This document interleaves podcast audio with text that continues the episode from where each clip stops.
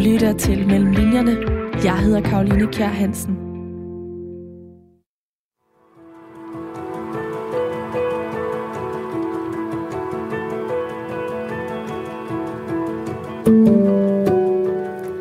Hun boede på Annes værelse, da hun fik beskeden. Hun sov egentlig, da telefonen den vækkede hende, for det var sådan, hun fik besked. Anne var blevet skudt. Anne, som hun året for inden rejste til Nicaragua sammen med. Det havde været deres første rigtige rejseeventyr, og Anne hun var blevet forelsket derovre og derfor rejst tilbage, efter at de egentlig var kommet hjem igen. Men nu havde Anne været involveret i et væbnet røveri. Røverne var blevet bange og havde skudt, og en af kuglerne havde ramt Anne. I takt med, at den var trængt ind under huden på hende, havde den sået livet ud af hende. Efter Annes begravelse tog hun hjem til sin far for at bo lidt, og bare to dage efter begravelsen skete det igen. Telefonen den ringede og vækkede hende. I den anden ende berettede stemmen om endnu et dødsfald. Hendes fars. Man plejer at sige, at en ulykke kommer sjældent alene. Men det er ikke noget, vi plejer at sige om tragedier. Alligevel så sker det for hovedpersonen i romanen det samme og noget helt andet. Ligesom det skete i virkeligheden for dig, Katrine Marie Gullager, fordi du er forfatteren bag og har skrevet romanen med afsæt i dit eget liv. Mm. Og rigtig hjertelig velkommen til Mange Mellem Linjerne her på Radio 4. Tak skal du have. Det var en togulykke, som din far han øh, døde i. Du var kun 21 år, og mm. øhm, de fleste af mine lyttere, de husker nok togulykken ved Storebæltsbroen for faktisk præcis to år siden, når vi ja. sender det her. Men hvilken ulykke var det, din far han døde i? Altså, det mindede... Nu, hvor mange var det, der døde her for to år siden? Jeg, kan ikke jeg tror, det var otte. Ja. Ja, det var præcis otte, der døde dengang i Sorø. Mm-hmm. Øh, der var det jo... Øh, altså, der var det... Jeg kan ikke huske, hvordan det præcis skete, men jeg mener, at... Altså, i hvert fald havde toget alt, alt for meget fart på, og derfor røg det af skinnerne, og tre, tre øh, togstammer blev sådan helt væltet rundt. Mm. Det var faktisk to meget øh, ens ulykker på den måde. Altså, det var, og jeg blev kaldt ind faktisk også på, på, på TV2 for at fortælle om, øh, altså, hvordan det er at være pårørende, for de kunne jo ikke spørge dem, der var pårørende, så, øh, så spurgte de mig i stedet for, fordi jeg også havde oplevet det engang. Ja. Togulykken på Sårø øh, er noget af det første, man som læser møder, når man slår op i din nye roman. Det samme og noget helt andet, som er den bog, jeg i dag dykker ned mellem linjerne i. Og det gør jeg både med dig, Katrine, og også dig, mm. der lytter med, fordi det her det er programmet, der hedder Mellem Linjerne her på Radio 4. Det er et program, hvor jeg taler med nogle af Danmarks dygtigste forfattere om alle de forberedelser og oplevelser, som forfatterne har været ude i i arbejdet med bøgerne. Altså med andre ord, det research-arbejde, som ligger mellem linjerne i dem. Og i dag så kommer det i stor grad til at handle om, hvordan man egentlig researcher i sit eget liv, fordi som sagt, så bygger den her roman på, på dit eget liv, Katrine Marie Gullær. Mm. Øhm, som altid her imellem linjerne, så vil jeg dog gerne først høre lidt om, hvordan du egentlig fik ideen til at skrive øh, den her øh, roman, som jo altså i vid udstrækning bygger på din egen fortælling. Altså, jeg, jeg har øh, en gang tidligere, for øh, måske 10-15 år siden, haft lyst til at bearbejde den her del af, min, af mit liv i romanform. Og dengang kunne jeg se, at det kunne simpelthen overhovedet ikke lade sig gøre, fordi at øh, normalt, når man skriver, øh, så skal man jo... Altså, jeg ved ikke, jeg kunne bare slet ikke få det til at svæve. Det blev alt for, alt for tungt, og, og jeg tror, jeg må have været alt, alt for tæt på stoffet. Og så prøvede jeg igen for, for et par år siden, også hvor det blev sådan en meget tung fortælling. Øh, meget sådan... Ja, jeg var ude af stand til at, at rigtig give slip på stoffet. Altså det er jo det, som, som man ved som romanforfatter, at øh, det øjeblik, du sidder og vil have hovedkarakteren til at opleve noget bestemt, eller til at blive oplevet på en bestemt måde, øh, så går det galt. Altså man skal ligesom have en, en vis distance til stoffet. Hvad mener du, når du siger give slip på det? Jeg mener, at det kan ikke nytte noget, at du skriver en roman for at bevise øh, noget bestemt. Øh, det kan være en politisk holdning, eller det kan være en øh, romankarakter, som du vil bevise er sød og heroisk, eller det modsatte. Øh, det, det kan ikke nytte noget, at du sådan øh, på den måde kvæler livet ud af din romankarakter. De skal have lov at selv bevæge sig fuldstændig øh, ligesom børn. Altså, du kan ikke, øh, du ejer ikke deres liv. Du kan hjælpe dem med at, at ligesom finde ud af, hvem de selv er, og om de vil det ene, eller det andet, eller det femte, men du kan ikke bestemme over dem. Så derfor er tid vigtigt, eller hvad i forhold til at kunne distancere sig? Ja, det er meget vigtigt, at man, øh, at man kan give slip på romanpersonerne på den måde, at de skal have lov til at, at blive sig selv. Nu siger du, at det er en romanperson, og det er jo rigtig interessant, fordi det er en roman, du har skrevet, men som sagt, så bygger den på dit eget liv, og det skal mm. vi selvfølgelig komme omkring i løbet af de næste 55 minutter her. Men, men det er, sagen er den, at øh, det her det er noget, der sjældent sker i programmet mellem linjerne, men jeg har simpelthen valgt at tage dig ind som gæst, inden bogen den er udkommet. Så det vil sige, at lytterne, de, øh, det har ikke haft mulighed for at læse den endnu. Så mm-hmm. jeg synes, det er vigtigt lige at prøve at skitsere, hvad den egentlig handler om. Og, og det vil jeg lige prøve på, så må du supplere, hvis du tænker, der er noget, jeg, jeg, jeg misser i det. Ja. Altså groft sagt, så vil jeg sige, at den handler om en ung kvinde, som skal forsøge at komme sig over de her to meget tragiske dødsfald. Øhm, og det er, det er ikke helt nemt. Det, selv sagt vil det aldrig være nemt for nogen, men i hendes tilfælde, der er farens dødsfald skaber meget stor splid i familien, øh, i stedet for at samle på nogen måde. Det er både fordi, at øh, farens familie, de lægger an til en øh, afstrid, og så er der en, et kompliceret forhold mor, datter og, øh, og søsteren øh, imellem, øh, hvor hun jo så er datteren. Øh, også at det bunder i, at de er meget forskellige. Det bliver udfoldet i løbet af hele fortællingen. Øhm, I hvert fald sådan, som jeg oplever det. Øhm, og derudover, så, så er der også en masse omkringliggende, der handler om at blive voksen, altså træde ind i voksenlivet og udvikle sig, ikke mindst som forfatter, som hun jo øh, som hun er. Øhm, og, og hvis vi ser på, øh, på formen, så er den sådan delt op i to spor. Det tænker jeg er ret vigtigt også for at forstå, hvordan hvilken bog vi egentlig har med at gøre. Altså, der er ligesom et spor, der, der tager sin begyndelse med dødsfaldene, som sker i 1988, og så er der et sådan mere nutidsspor, øh, et kursiveret spor, som handler om øh, 2019 og 20, og mere specifikt om, om arbejdet med den her bog, så det er sådan en form for, øh, for metalag. Øhm, jeg ved godt, det er en meget grov skitsering, men hvad tænker du umiddelbart Øh... Ja, men det er jo helt rigtigt. Øh, men jeg, jeg, og jeg opfatter den som øh, egentlig en dannelsesrejse. Mm. Øh, jeg har jo skrevet... De, de to sidste romaner, jeg har skrevet, har været sådan en slags øh, dannelsesrejse for unge mænd. Øhm, og øhm, med, to, altså med to unge mænd i hovedrollerne. Og jeg fik lyst til at skrive min anden, egen dannelsesrejse hvad det, alt, med alt, hvad det indbefatter. Der er jo ligesom forskellige historier, eller man kan også sige, når man er ung, øh, øh, så får man en masse opgaver, man skal løse. Man skal finde ud af, øh, hvilket arbejde man skal have. Hvordan skal man forsørge sig selv her i tilværelsen? Man skal finde ud af, øh, hvad har man, har man lyst til at stifte familie, og i så fald med hvem? Man skal finde ud af, som i, de, i hendes tilfælde her, så skal hun finde ud af at og på en eller anden måde komme til rette med, med tabet af faren. Og man skal også finde ud af at, at give slip på sin familie og separere sig fra sin familie. Man skal jo have et mere afklaret forhold til den familie, man kommer fra. Man har sådan en hel masse opgaver eller, eller øh, ja, altså spor i fortællingen, og det er jo det, som det er, sådan som det er i den her roman, at der er en, en masse opgaver for det unge menneske. Der er en dannelseshistorie. Hvem er du, og hvad vil du gerne være?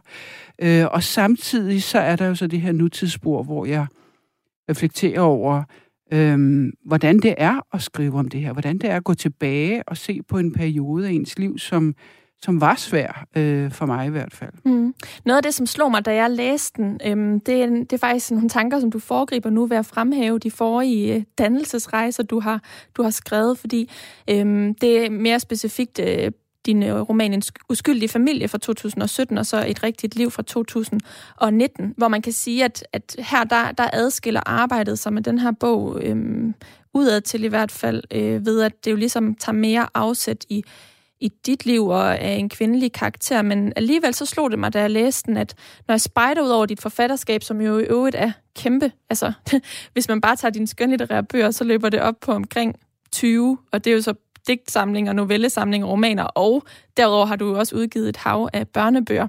Øhm, men jeg sidder alligevel lidt med følelsen af, at nogle af de tematikker, som går igen i den her roman, har du kredset om tidligere, øh, blandt andet i, øh, i Køgekrønningen det, det er den, det her store øh, seksbindsværk, du har, du har lavet, hvor man følger en dansk familie fra 1938 og frem til 1988, hvor at der er i hvert fald også berøring med det her mor-datter-søster-forhold, øhm, for ikke at tale om selvbiografien Lysgrænsen, der udkom i 2007, hvor du, hvor du øhm, dykker mere ind i det her, øh, tab og, og sorgen.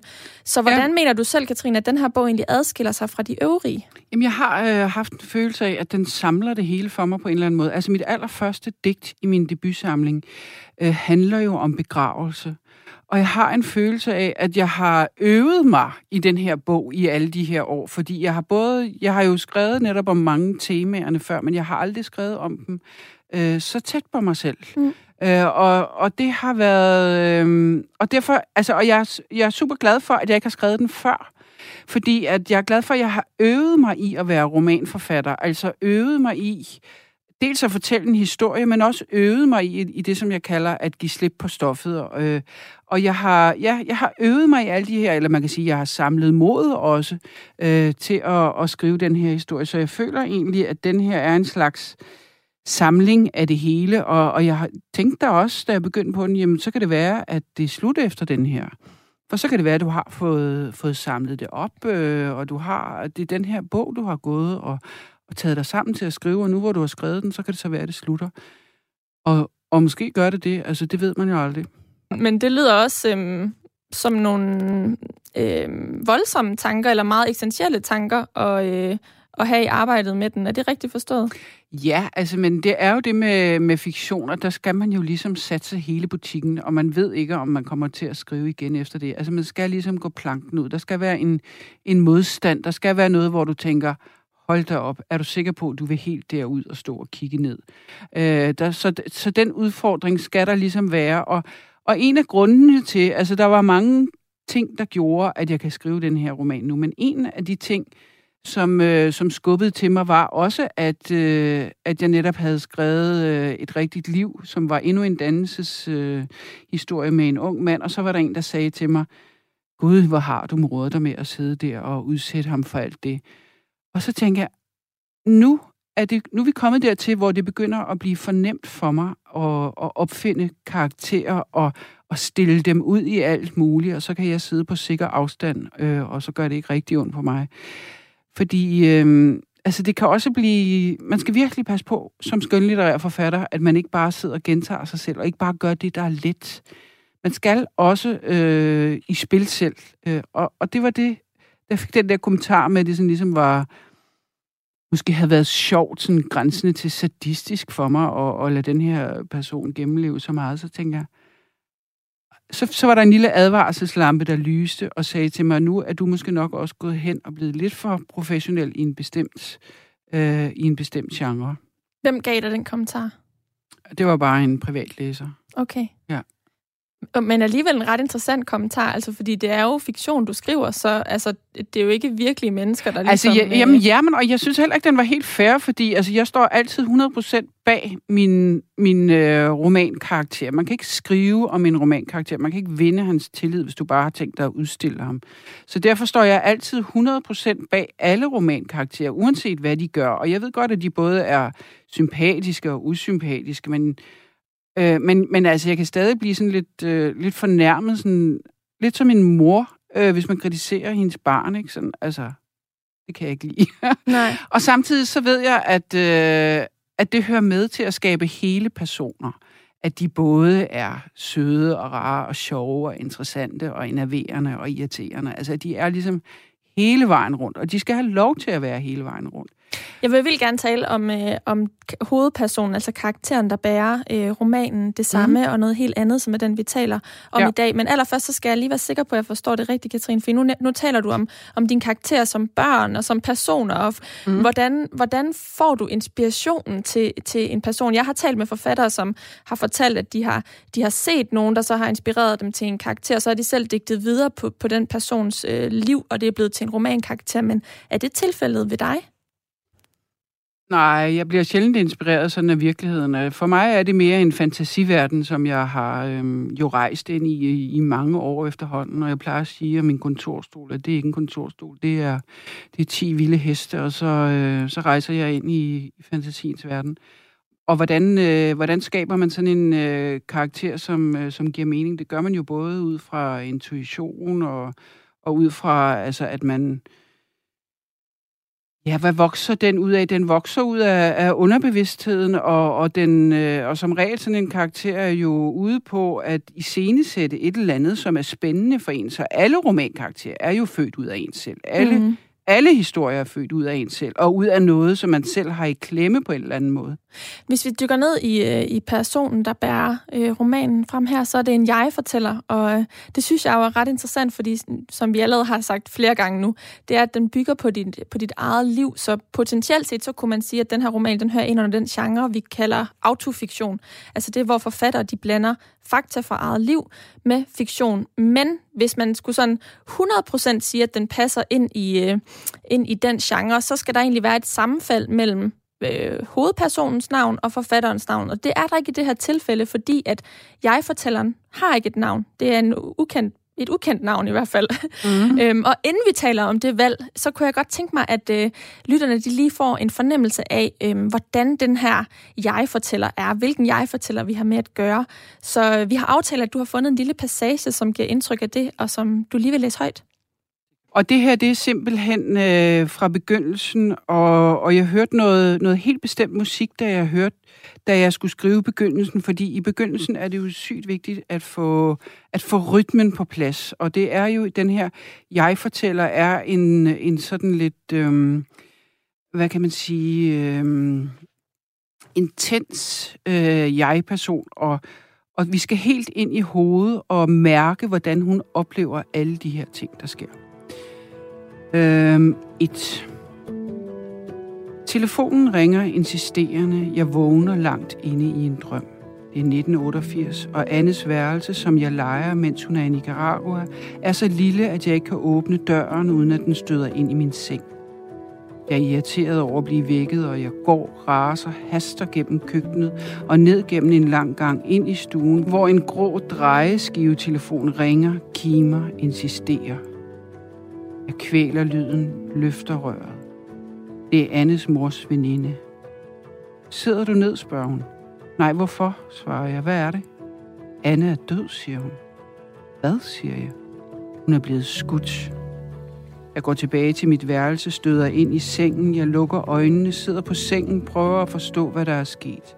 Jeg går op og ned ad gangen, tager ind til land og folk, til Danmarks Kommunistiske Ungdomssekretariat. Måske er der nogen derinde, der ved noget. Jeg tager cyklen, kører ind til Dronningens Tværgade. Jeg hjælper med at besvare spørgsmål fra journalisterne. Jeg kommer hjem igen. De andre i lejligheden kommer hjem. Jeg kan ikke blive. De kender Anne, og de kender hende ikke. Ikke som jeg gør. Jeg kan ikke, vil ikke sidde og drikke te med dem. Men jeg kan ikke, vil heller ikke tage op til Annes mor. I stedet tager jeg til et meningsløst seminar i Svendborg. Verden fortsætter og ikke. Verden bliver ved og ved. Alt er stanset forskudt. Jeg kommer hjem fra Svendborg. Jeg tager endelig op til Lyngby, op til Annes mor. I et stykke tid er jeg ingen steder. Jeg stiger ud af de beskidte togvinduer. Jeg har en følelse af, at jeg har mistet noget, der ikke kan erstattes. Jeg er nødt til at leve mere intenst i dobbelt tempo. Det er jo meget øh, sigende for hende. Jeg øh, håber i hvert fald, at lytterne de får en god fornemmelse af den her intensitet, som du selv beskriver øh, kraft og sproget, men på en eller anden måde, så, øh, så, så, så oplever jeg det også sådan lidt kontrastfyldt i forhold til det her med, at hun jo for eksempel vælger at tage til det her seminar. Altså hun, hun bliver ikke i, øh, i den her øh, følelse af Nej smerte eller sorg, øh, ta- som tabet kan forårsage. Mm. Øhm, så jeg oplever i hvert fald som læser øh, noget kontrastfyldt, øh, bare i den her passage, som også fortsætter i løbet af, af romanen. Øhm, også en kontrast, som jeg oplever hende som som selv nysgerrig på at undersøge og forstå. Øhm, men Katrine, jeg, jeg er nysgerrig på, øhm, hvorfor valgte du egentlig en jeg-fortæller, som vi til med aldrig lærer navnet at kende på? Jamen, det, altså, det har jo lidt at, at gøre med... Øhm, altså, hvis jeg havde, hvis jeg havde valgt øh, en tredje persons fortæller, så havde jeg kunne haft større øh, distance, øh, større ro. Øhm, jeg havde lyst til... Altså, og jeg har jo arbejdet med virkelig mange tredjepersonsfortællere, netop fordi, at jeg gerne ville have, have distance. Øhm, fordi, at distancen kan kan jo være med til, at, øh, at man bedre kan se, hvad der foregår. Altså man kan danne et overblik. Jeg har også arbejdet meget med at, at have øh, meget rundt om personen, altså meget samfund, øh, så, så man kunne... Øh, så jeg har arbejdet med, med sammenhæng mellem individ og samfund, kan man sige. Øh, og her er jeg, har, jeg, har jeg det omgivende samfund er nærmest væk, og jeg har også fjernet tredjepersonsfortælleren, og jeg har en jeg jeg-personsfortæller, som jo har den fordel, at man kan være inde i hovedet på jeg-personsfortælleren. Og, og det, det var det, jeg gerne ville, for jeg vil gerne vise, hvordan det var at være inde i den person øh, gennem alle de her øh, begivenheder. Øh, og, og der var øh, rytmen selvfølgelig også vigtig. Altså, hvordan er det, hun oplever? Og der, der er stor fart på, men der er også mange steder, hvor det så, øh, hvor det så bremser helt op. Og, og øh, ja, jeg ved ikke, hvordan jeg ellers skal forklare det. Men det var en, en god måde at komme ind i hendes følelser på, synes jeg. Så det lå umiddelbart til dig, at det skulle være en jeg-fortæller? Ja, okay. det tvivlede jeg aldrig på. Nej. Vi har jo talt om, at, at det netop er en roman, der, der tager afsæt i dit eget liv, men det er stadig en roman. Hvis der nu sidder mm. nogle lytter derude, som, som endnu ikke helt har forstået, hvad for en type genre vi har med at gøre, eller hvordan det har tilknytning til dit liv, kan du så, kan, altså kan man på nogen måde øhm, lave en streg og sige, det her det er fakta, og det her det er fiktion, eller hvordan, hvordan, kan, man, hvordan kan du give lytterne en fornemmelse af, hvor skallet går? Altså, jeg synes, det er, det jeg synes, det er meget rigtigt at kalde det autofiktion. Altså, fordi det er jo også indlysende, at nogle af tingene har jeg oplevet, og det ved folk jo også godt. Så øhm, jeg synes, autofiktion er en helt rigtig øhm, betegnelse at komme med. Jamen altså, hvad kan man sige? Det er ligesom i, når du sidder og ser The Crown med øh, prins Charles og Lady Diana så ved du jo, at, at der er mange ting i hovedhistorien, der passer, men du ved også, at den scene der, den kan de umuligt vide. Altså, du ved godt, de opfinder scener for at, øh, for at, få, for at beskrive hele historien. Eller du ved godt, det er en version af historien, og det er jo det samme her. Altså, jeg, øh, nogle steder er det øh, jo direkte ud af mit liv, men der er jo også... Eller man kan også sige, at jeg startede jo faktisk med at lave her, det her fundament, hvor jeg tog udgangspunkt i breve og dagbøger og, og alt, hvad jeg havde, og ligesom prøvede at finde ud af, hvad skete der egentlig år for år. Øhm, og så tog jeg det fundament, og så havde jeg sådan en slags skelet i det, men så inviterede jeg jo romanforfatteren til at komme og sige, jamen, hvordan får vi bedst fortalt denne her historie? Og så kan du jo spørge dig selv, øh, altså fra nu af, hvad er mest sandt? Er det så fiktionen, der er mest sand? For det er jo der, du kan iscenesætte nogle af de ting, der er svære i en familie, for eksempel. Eller er det øh, det dokumentariske, der er mest sandt? Altså det dokumentariske, hvad er det egentlig, når det kommer til stykket? Hvad er virkeligheden egentlig, når det kommer til stykket? Altså, så det kan man jo, øh, det kan man jo trække næse om. Man kan sige, at fiktionen har jo den store svaghed, at man som regel er, er, øh, er nødt til at vælge en vinkel, øh, men den har jo også den styrke, at du nogle gange kan komme endnu tættere på sandheden, end du kunne, hvis du skulle... Øh, hvis du skulle, hvis du skulle skrive en avisartikel, for eksempel. Ikke? Ja. Jeg oplever også tit fiktion som enormt sandhedssøgende. Ja. Øhm, men kan man sige, at det her det er dit bud på sandheden? Ja, både og. Altså, det er den unge kvindes sandhed. Øhm, men, men altså, det er jo en blanding. Den her bog har været fuld af, af den slags blanding, og jeg er også blevet spurgt, jamen, har du skrevet den for din egen skyld, eller skriver du den for, for andres skyld? Ja, altså begge dele. Mm, øh, kan man tillade sig at fortælle sin egen historie? Nej, det kan man jo på en måde ikke, hvis man også involverer andre. Og på den anden side, kan du så sige, at man ikke må fortælle sin egen historie? Nej, det kan du heller ikke. Altså, det er sådan lidt begge dele, og det her, det er både auto og fiktion. Og, øh, og, og jeg kommer ikke til at sige, om det der skete, og det der, det skete ikke, fordi det er ligesom øh, besides the point. Altså, det ville ikke være spændende, hvis det kun var min private historie. Det, vil ikke, det er ikke spændende, at jeg udgiver mine dagbøger. Så øh, interessant er jeg simpelthen ikke. Men måske er der det, alligevel dele i din historie, og dele af dermed i romanen, som nogen lytter vil kunne spejle sig i, og ikke nødvendigvis det hele jo. Og det er præcis derfor, det er spændende. Det er spændende, fordi at jeg bruger min egen historie til at iscenesætte noget, som jeg tror er ret alment. Og det er adgangsbilletten, det er, at jeg tror, det er ret almindeligt. Jeg tror, der er mange, øh, der kan genkende sig selv i historien om et familiemedlem, der dør, øh, og en familie, der, der ikke bliver det samme igen. Jeg tror, der er mange, der kan genkende sig selv i historien om, der er en i familien, der dør, øh, og så udbryder der den her slags arvestrid, som man jo også, altså som, som er meget udbredt. Man siger, man kender jo ikke sin familie, før man skal arve, vel? Og når man ikke er en del af den familie, så står man og kigger på det og tænker, hvordan kan I komme op og skændes om et gammelt chatol? Altså, der er mange, der kender den slags problemer. Der er mange, der kender den der følelse af, at, at jeg er en del af den her familie, og alligevel er jeg ikke en del af den her familie. Jeg, jeg vil gerne komme til min... Øh, til den årlige juletam, tam, og alligevel så, så har jeg det bare ikke rigtig godt i det der selskab. Altså, alle de her sådan, øh, ting, jeg prøver at beskrive, er jo kun interessant, fordi de på et eller andet plan er alment, og fordi det på et eller andet plan er noget, mange andre end jeg selv kan spejle mig i. Så jeg tager udgangspunkt i mig selv, men, øh, men jeg er jo ikke som sådan interessant. Det er jo ikke, øh, altså mine dagbøger er jo ikke interessante. Altså, og som sagt, jeg har lavet et skelet ud fra mig selv, men så har jeg inviteret romanforfatteren til at komme og fortælle den her historie bedst muligt. Netop for, at andre også kan spejle sig i den.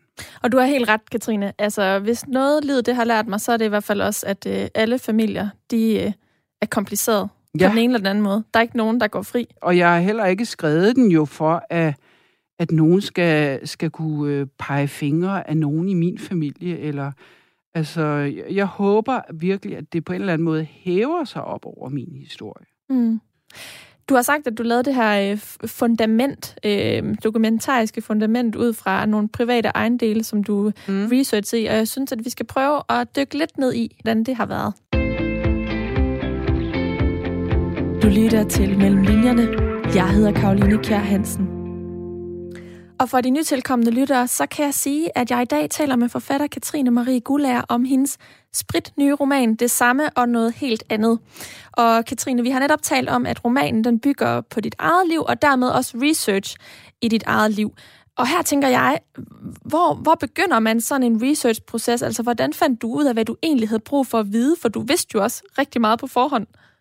Altså, noget af det havde, eller meget af det havde jeg, selvom jeg godt vidste det, så havde jeg også glemt det. Og jeg har taget forskellige tilløb, og et, et af dem, jeg tog, det var at, at rejse ned til Torremolinos med en kæmpestor orange kuffert med alle mine papirer, hvor jeg blev lidt overrasket over, hvad der egentlig stod, altså i mine gamle dagbøger og breve og så videre. Så, så for mig var det nok ikke, øh, det var ikke selve, selve researchen var jo ikke det store arbejde. Det store arbejde var måske nok mere at være klar til at se på det. Mm. Og øhm, altså, jeg, jeg har været taget ned til den samme by, øh, Torremolinos, lige der i nærheden af Malaga nogle gange. Og, og første gang, så kiggede jeg sådan lidt på det og tænkte, Nå, men det her, det skal jeg jo ikke bruge til at, at skrive en roman eller noget. Det her, det skal jeg bare bruge til øh, for mig selv, altså for min egen skyld, at vide, fordi øh, jo, jo bedre man kender sig selv, jo bedre en vært er man også for sin fiktive karakter. Og derfor så tænkte jeg, at jeg skulle bare bruge det til mit eget sådan, indre regnskab. Øh, og anden gang, jeg tog ned, der var jeg så lidt mere opsat på at lave det til en roman. Øh, og så blev jeg syg. Og så, så blev jeg simpelthen så dårlig. Og, og lå på hotelværelset og tænkte, at nu vil jeg dø helt alene, øh, lige lidt uden for Malaga. Og, og jeg fik øh, receptionisten til at komme op og, og kigge til mig. Og, og alligevel, så var det bare slet ikke sjovt. Og, og da jeg så tog hjem, så tænkte jeg, det der, det var en advarsel. Det var din krop, der sagde til dig, at du skal absolut ikke skrive om det der nogensinde. Men du, du blev fysisk syg, det var ikke mentalt syg? Nej, nej, jeg blev fysisk syg. Ja. Øh, sikkert bare en eller anden tilfældig smitte, men altså op i mit hoved, der blev det til, at, øh, at jeg ikke skulle røre ved det. Du forbandt stoffet med den ja, fysiske smerte? Ja, og så gik der måske et halvt år, og så prøvede jeg igen, og så... Øh, ja, så har jeg jo nærmet mig det, og og det har da... Øhm, jeg synes faktisk, det har været hårdt at opleve, hvor, hvor ensom man nogle gange kan føle sig som ung. Og jeg tror måske også i virkeligheden, øh, at en af grundene til, at jeg først skal skrive den nu, er, at jeg ikke føler mig ensom mere. Hvis jeg følte mig så ensom, også i mit liv nu, så tror jeg ikke, jeg ville have haft mod til at se på, hvor, hvor ensom jeg egentlig var dengang. Altså, jeg, jeg synes, det skærer mig i hjertet, når jeg læser, hvordan hun går på biblioteket for at finde ud af, hvad sorg er, og Åh, oh, ja, jeg synes... Jeg synes og, og det får mig til at tænke på, hvor hårdt det egentlig er at være ung. Altså, det får mig til at tænke på unge mennesker i det hele taget i dag, fordi det er også bare en hård periode. Det er i hvert fald en periode, hvor man udvikler sig rigtig meget. Man udvikler sig rigtig meget, og man har jo selvfølgelig sine forældre, men på den anden side, altså selvom de så er rigtig gode forældre, hvad kan du så egentlig bruge dem til? Fordi du skal jo selv ud og definere dig selv, og selv prøve kræfter med livet, og ja, jeg synes bare, det er en hård periode, det må jeg sige. Hvorfor skulle du egentlig rejse væk for at øh, nærme dig stoffet? Nå, men det er jo fordi, jeg har en almindelig familie derhjemme øh, med to børn, en på 8 og en på, på 11. Og for det første, så øh, betyder det, at jeg jo normalt arbejder fra 8 til 3. Det vil sige, at jeg kan ikke sådan rigtig dykke ned i stoffet og bare blive der til, jeg øh, ikke har lyst til at være der mere. Og for det andet, så bliver jeg jo også følelsesmæssigt påvirket og irritabel og, og ked af det. Og, og med sådan to normale danske børn, der, der altså, kræver deres mor, så kan det godt give sådan lidt en, et clash. Så, så det var mere sådan praktiske foranstaltninger? Ja. Ja. Mm. Men så, så du skulle skabe det her fundament ud fra dine dagbøger og bre- gamle breve. Sådan, altså, hvordan gik du til det? Altså, lavede du en tidslinje, eller hvordan forholdt du dig ja, til det? Ja, jeg lavede en tidslinje, og mm. jeg har øh, altså masser af flyttekasser fulde af det her. Jeg ved ikke, hvorfor jeg har gemt alting altid, men det har jeg. Du har ikke flyttet så... mange gange, eller hvad? Jo, jo. Mm. Og jeg har haft alle kasser med hver eneste gang. det lyder tungt og hårdt. men, øh, men jeg håber faktisk lidt, at, øh, at, at jeg kan smide de her kasser ud efter det, fordi altså... Det var også været dejligt at slippe af med fortiden, ikke?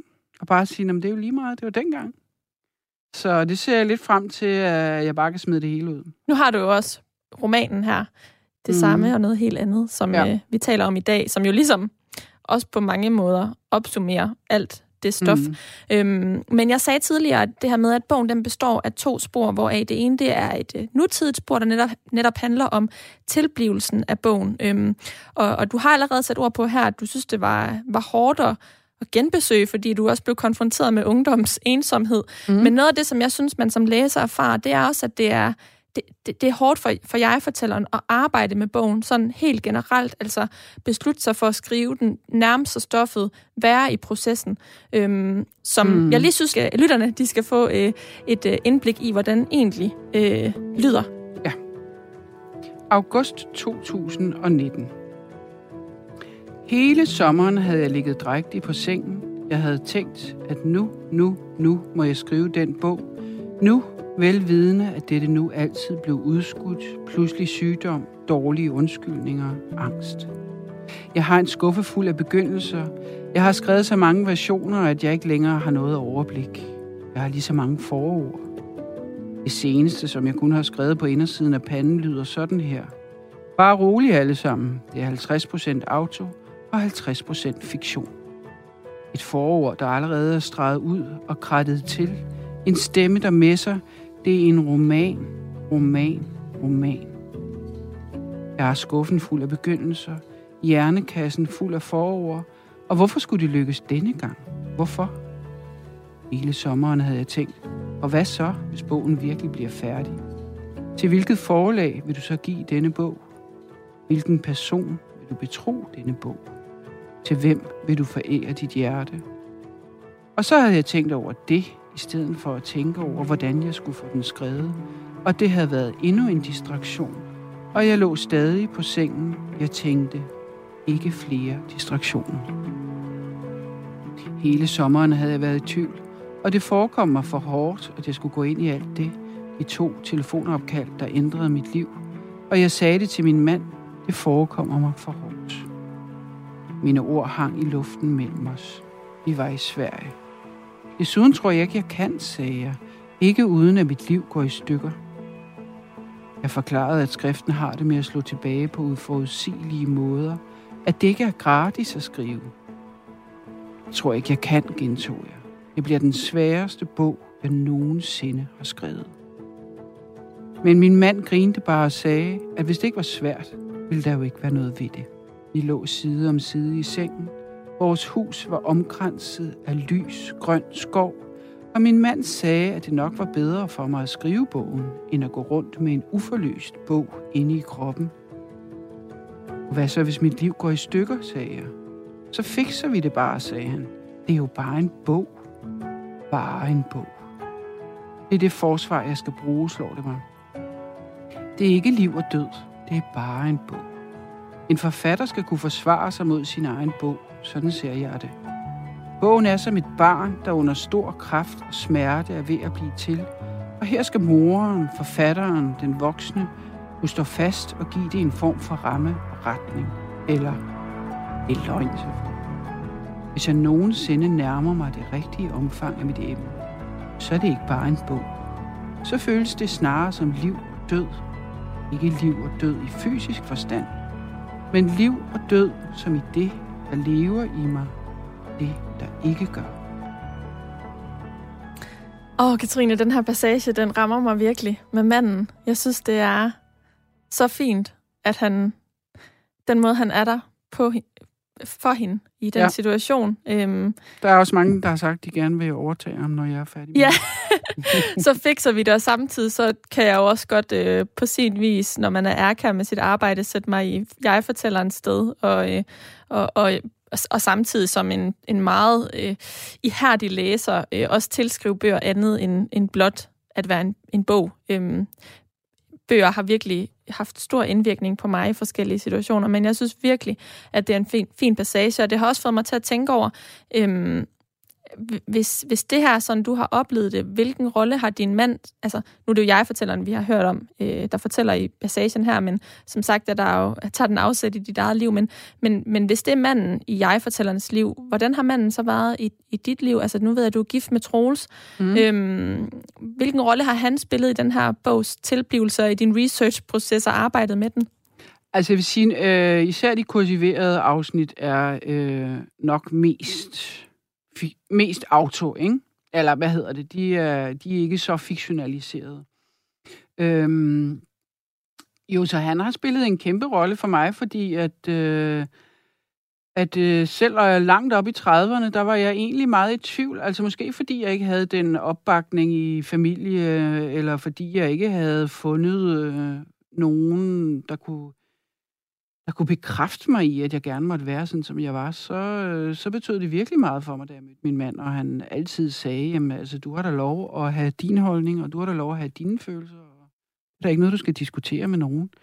Så det var en kæmpe hjælp for mig, og, øhm, og han har også været en kæmpe hjælp i løbet af den her bog, fordi jeg har jo altså været sådan lidt øh, nervesvækket nogle gange, og Øhm, også fordi jeg jo selv har været skeptisk over for autofiktion øh, så har jeg jo været øh, skeptisk også over for mig selv. Altså, og der, øh, der er han bare meget cool og meget... Øh, jeg synes jo, jeg har taget mange hensyn for at, at være sikker på, at jeg ikke træder nogen over tæerne, og jeg har jo sågar betalt en psykolog 4.000 kroner for at læse det hele igennem, så jeg ikke kom til at, at lave den der med øh, at fortælle, hvad andre mennesker tænkte. Ikke? Fordi det ville jo være en slags overgreb. Øh, og der har han været meget cool hele tiden og sagt, altså, vi har alle vores versioner af sandheden, og det har vi lov til at have. Og ja, altså, jeg ved ikke, om jeg havde haft nerver til det her projekt, hvis, øh, hvis ikke han havde støttet mig i det. Jeg læste i et tidligere interview med dig, øh, at øh, du ikke selv mener nødvendigvis, at din fars død øh, skulle drive dig så langt ud, som den gjorde, som vi også oplever, at jeg fortæller en gør i forsøget på at øh, finde ro i sorgen, eller komme videre. Mm. Øh, og vi har talt om det her med, at, at, øh, at familie er svært, men når det er sagt, så er der jo også nogle familier, hvor døden på en eller anden måde øh, samler, giver anledning til, at man, man kommer hinanden ved øh, på ny. Hvad tror du var skyld i, øh, i dit reaktionsmønster, eller din families reaktionsmønster, øh, i den måde, I har bearbejdet det på, og som jo, jo har præget dit liv op og kommer til udtryk i romanen? Jamen altså, så kommer jeg jo nemt til at psykoanalysere de andre, og det er det, jeg helst ikke vil, fordi at, øh, at øh, det snit, jeg har lagt, er ligesom, at jeg, øh, jeg fortæller min historie, sådan som jeg har oplevet den, men til gengæld så undlader jeg ligesom at sige, hvad andre tænkte, mm. øh, og hvordan de skal forstås. Det må, det må de selv svare på. Jeg, jeg ved ikke, hvor mange familier, der rykker stærkere ud gennem sådan en sorg. Jeg synes, jeg synes faktisk, det er sjældent, jeg hører om det, men, men altså, jeg håber, at det findes. Så vil jeg også sige, altså, jeg, jeg synes ikke, at det allervigtigste i den her historie er, øhm, er enkeltbegivenheder. Altså, jeg synes ikke, man kan sige om hende her historie, at det var den begivenhed, eller det var den begivenhed, eller det var det, han sagde. Jeg synes, det egentlig tragiske er måske den her form for, altså man kunne kalde det manglende kærlighed, eller man kunne kalde det manglende forbundethed med verden. Altså, der kunne godt øh, have været en, hvis bare der havde været en enkelt tante, der forstod hende, eller en enkelt barndomskammerat, der havde været der for hende gennem det hele, eller, eller forstår du, hvad jeg mener? Mm. Det mhm. er, og det synes jeg egentlig er, det synes jeg egentlig er det, der er, er, er kernen i det måske, af den her manglende forbundethed og, og ensomhed, som man jo øh, måske godt kan kende fra sit eget liv, også selvom der ikke nogen, lige er nogen, der er død, eller, eller altså selvom der ikke er de her begivenheder, der, der tester hele familiesystemet, så er det den her sådan manglende forbundethed, som jo kan skyldes mange ting. Altså det kan jo også være, at den ene forælder er alkoholiker, eller det kan være, at den ene forælder øh, øh, elsker det andet barn højere, eller det kan være, som som mange forældre nogle gange øh, stadig tror, at børnene dybest set er til for at plise dem. Ikke? Altså, men det er den her manglende... Øh, altså, jeg hørte en psykolog sige, at, at det, der får folk til at bryde, det er, at de føler, og det er heldigvis ikke... Øh, altså, jeg tror virkelig, det er et fortal, der vælger at bryde i forhold til, hvor mange, der har det sådan halskidt i deres familie. Men det, som gør, øh, at man ikke føler sig tilpas, det er jo, at man føler, at man mangler en blanding af kærlighed og respekt. Det vil sige både nærhed, men også en afstand, der, der udmyndter sig i en slags respekt. Og det er jo det, der er... Øh, altså, det, det, det det, som jeg synes egentlig er det hårde i den her historie. Øh, og så kan man sige omstændighederne, at den, den ene eller den anden sagde sådan, eller gjorde sådan, eller det er på en eller anden måde for mig gået hen og blevet sekundært. Hvis du forstår, hvad jeg mener. Ja, jeg, jeg synes, det er ret interessant. Fordi, det... Og det er også det, det handler om et sted, fordi på et tidspunkt, så spørger hun sig selv, øh, jamen, du kan jo godt oprulle alle de her situationer, og så sagde han, og så sagde hun, og... Men det er jo... Det er som om, at det er noget dybere, ikke? Det er ligesom, når folk, de mobber. Altså, hvis du har øh, sat dig ind i sådan nogle mobbesager, det er sygt svært. Altså, undskyld, du siger sygt igen, sådan som om jeg var ung med de unge, men det er meget svært. Du har også beskæftiget dig med unge ja. så kan man sige, jeg arbejdet med bogen. ja, men det er, det, er bare, det er bare svært nogle gange at sætte fingre på præcis, øh, hvad er det, der sker? Er det, at hun har himmelvendte øjne der? Er det, at de lukkede døren og gik ud på det tidspunkt? Eller, øh, men det, der er nedenunder, det er jo en slags fællesskab, som ikke er, øhm, som ikke forbinder folk, men som, øh, som isolerer folk. Og det er det, som øh, ja, er utroligt trist egentlig i mange familier. Ikke? Nu kalder du det manglende forbundethed, men der er jo, altså, jeg tænker, det er meget naturligt, at man som menneske har brug for at blive spejlet og finde nogen, man spejler sig i. Og det er jo ikke nødvendigvis nogen, man finder i sin egen familie. Øhm, mm. men, men når du nu har kunne skrive bogen, og vi har talt om, om dit forhold til Troels? Er det så noget af den relation, der gør, at du har kunnet skrive den, eller kan du stadig bære rundt på den her følelse øh, den dag i dag i andre kontekster? Ej, der har jeg jo også, øh, altså i det virkelige liv har jeg jo haft en hjælpe og hjælper at, øh, at gå i psykoanalyse, som er sådan en slags spejl, man holder op for sig selv, og som hjælper en med at finde ud af, øh, hvem man egentlig er, øh, og hvor ens grænser går, ikke? Er også noget andet noget, man skal huske med de her historier. Altså, alle folk er jo forskellige. Det, der støder den ene, støder ikke den anden. Så derfor er det svært at ligesom dømme i hinandens historier. Øhm, så det har jo helt klart været en hjælp for mig at gå i, gå i psykoanalyse. Det har også været en hjælp for mig at skrive, fordi det også er en slags spejl. Det er måske ikke det bedste spejl i verden, fordi det jo også er, er noget helt andet. Og hver gang man tror, man er ved at forme et spejl, så former man altid noget helt andet. Men men alligevel en slags spejl, så jeg har jo i hvert fald haft to hjælpere på det punkt. Ikke? Mm. Og det er rigtigt, at øh, men så har jeg så bare ikke haft held med at finde meningsfulde fællesskaber uden for familien. Øh, og man kan også sige, at de, to ting hænger jo tit sammen, fordi hvis du på en eller anden måde har mistet tilliden til det familiesystemet, så kommer du også nemt til at miste tilliden til, til resten af verden. Ikke? Så på en eller anden måde, så bliver det dem, der har tabt, de taber endnu mere. Ikke? Men hvordan har du det så i dag? I dag har jeg det meget godt. I dag føler jeg mig egentlig meget godt forbundet med mig selv, og, og jeg føler mig også meget, øh, meget mere hvilende i, hvad jeg må og ikke må, og hvilende i, hvor, hvor mine grænser går, og hvordan det er at være mig. Så, så jeg er et helt andet sted. Og det tror jeg faktisk også, jeg var nødt til at være, for ellers havde jeg ikke kunne, øh, kunne holde ud og tage på den her rejse med den unge pige, hvis det på en eller anden måde var hele mit liv, der var blevet, øh, der var blevet sådan. Mm. Vi har talt om, øh, at... Øh at du har virkelig gjort dig mange tanker omkring det at skrive den her bog, også fordi den netop udspringer fra dit eget liv øh, og, øh, og vedrører øh, din familie, øh, og at du øh, har gjort, altså, du også har skrevet den som en jeg-fortælling, og det er din udlægning af det, og jeg tænker bare for god ordens skyld, at vi er nødt til at sige til lytterne, øh, at du jo også har brudt med store dele af din familie. Øh, det læste jeg i interviewet, jeg refererede til tidligere også, bare hvis der sidder nogen derude og skulle... Øh, øh, være i tvivl om, hvordan du har forholdt dig til altså, dem jeg vil i sige... arbejdet med bogen. Ja.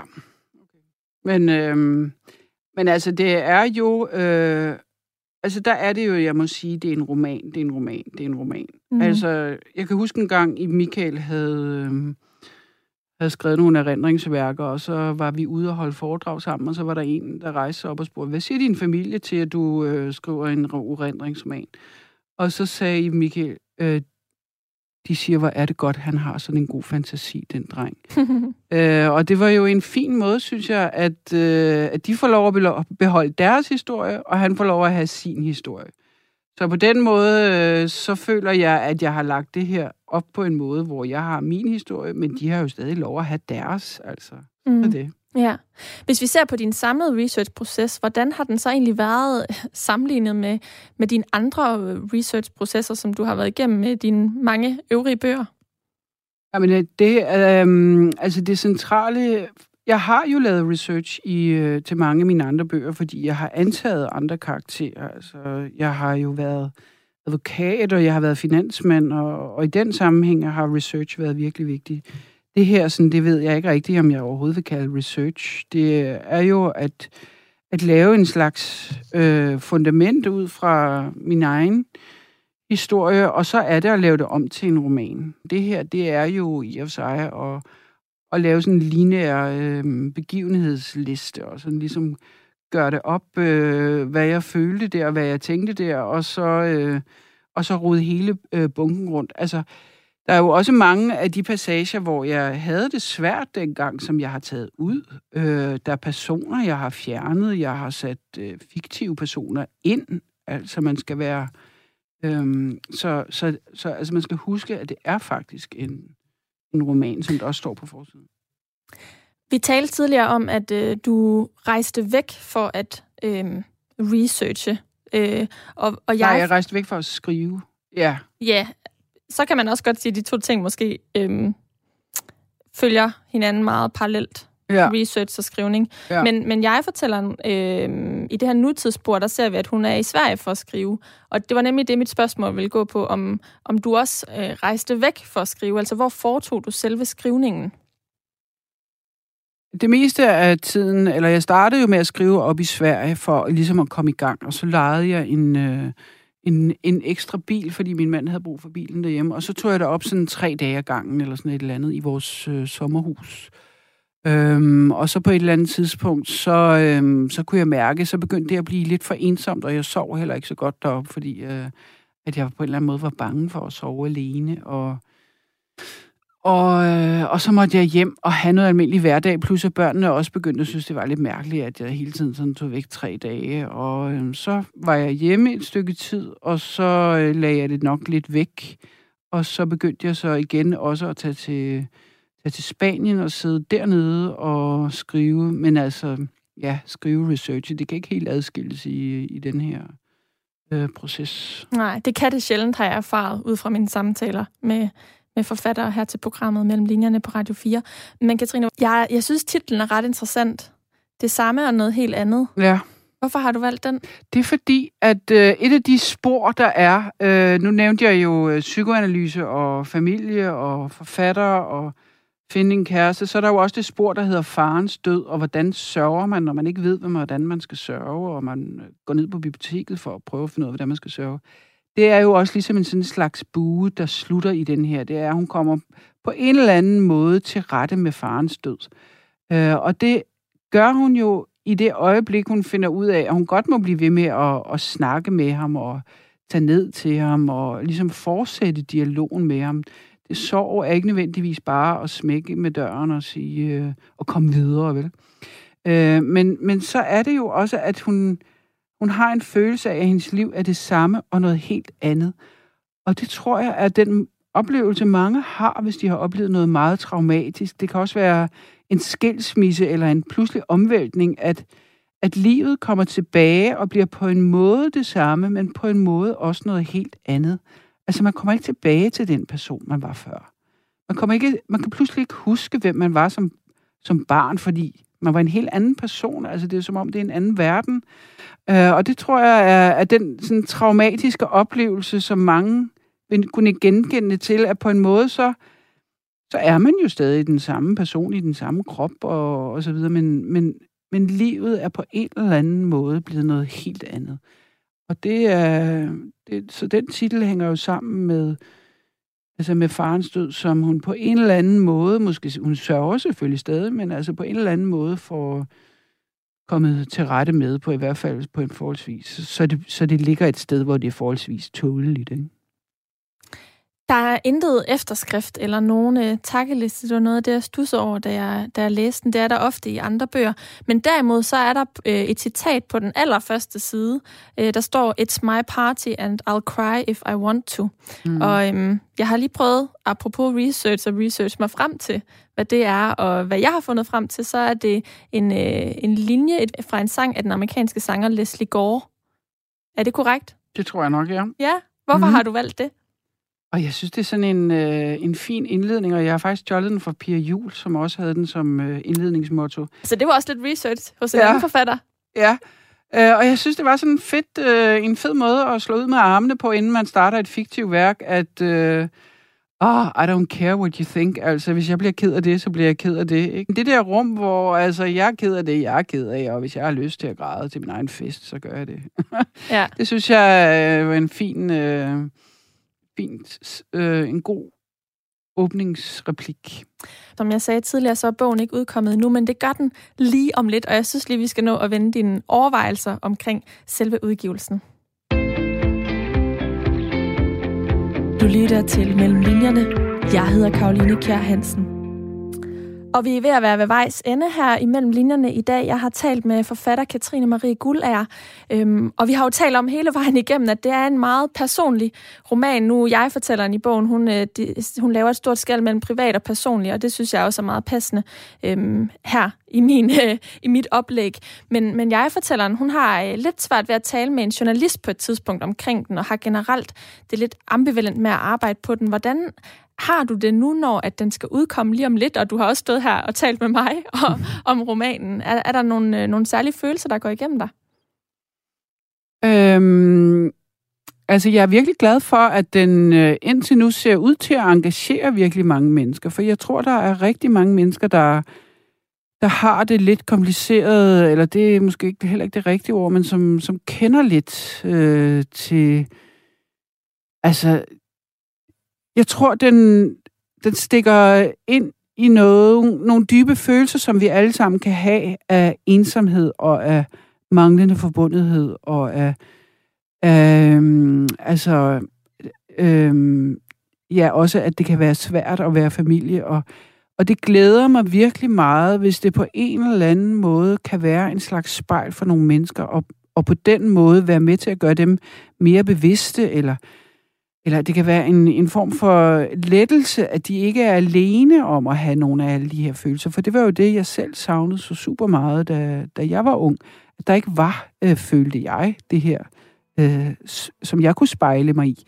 Så det glæder mig super meget, altså, men jeg selvfølgelig også trækker mig lidt tilbage som privatperson, fordi jeg er generelt ikke sådan en, der har lyst til at stå og råbe op om mit øh, privatliv i offentligheden. Så så jeg vil nok beskytte mig selv mod at blive alt for privat, men, Øh, men, øh, men altså omvendt er, at jeg, jeg, nu sagde jeg lige før, at reaktionerne indtil nu har været meget forskellige. Altså det tager jeg kun som et godt tegn egentlig, fordi det er jo, at folk de, de læser den på mange måder, og det skal man jo også kunne. Altså det her, det er jo ikke en historie med øh, med sandt eller falsk, eller skurker og helte. Det her, det er jo på en måde bare øh, en rejse gennem nogle af de ting, øh, som er svært ved at være menneske.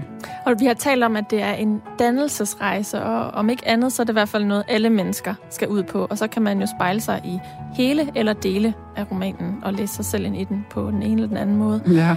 Forfatter Katrine Marie Guld er, jeg vil sige tusind tak, fordi at du vil være med her imellem linjerne på Radio 4 i dag. Selv tak. Og jeg vil også sige tusind tak til dig, der har lyttet med. Du har lyttet til Mellem Linjerne. Det er programmet, hvor jeg taler med nogle af Danmarks dygtigste forfattere om alle de forberedelser og oplevelser, der ligger før deres bøger kunne skrives. Altså med andre ord alt det research-arbejde, som de har været ude i, og som ligger mellem linjerne i bøgerne. Du kan finde hele programmet her som podcast podcast på radio4.dk i vores app eller i lige præcis din foretrukne podcast-app. Og hvis du lytter til programmet i iTunes, så tøv ikke med at give det en anmeldelse, fordi så ved jeg jo, om lige præcis I, der lytter med, synes programmet det udvikler sig i den rigtige retning eller ej. I er også meget velkomne til at skrive til mig på mailen. Den lyder mellem linjerne snablag radio4.dk. Linjerne, det er med et j, og her må I gerne komme med både ris og ros, og meget gerne ønsker til forfattere, hvis research I gerne vil høre mere om. Mailen, den er som sagt mellem linjerne snablag radio4.dk. Linjerne, det er med et j. Mit navn, det er Karoline Kjær Hansen, og jeg håber meget, at vi lyttes ved.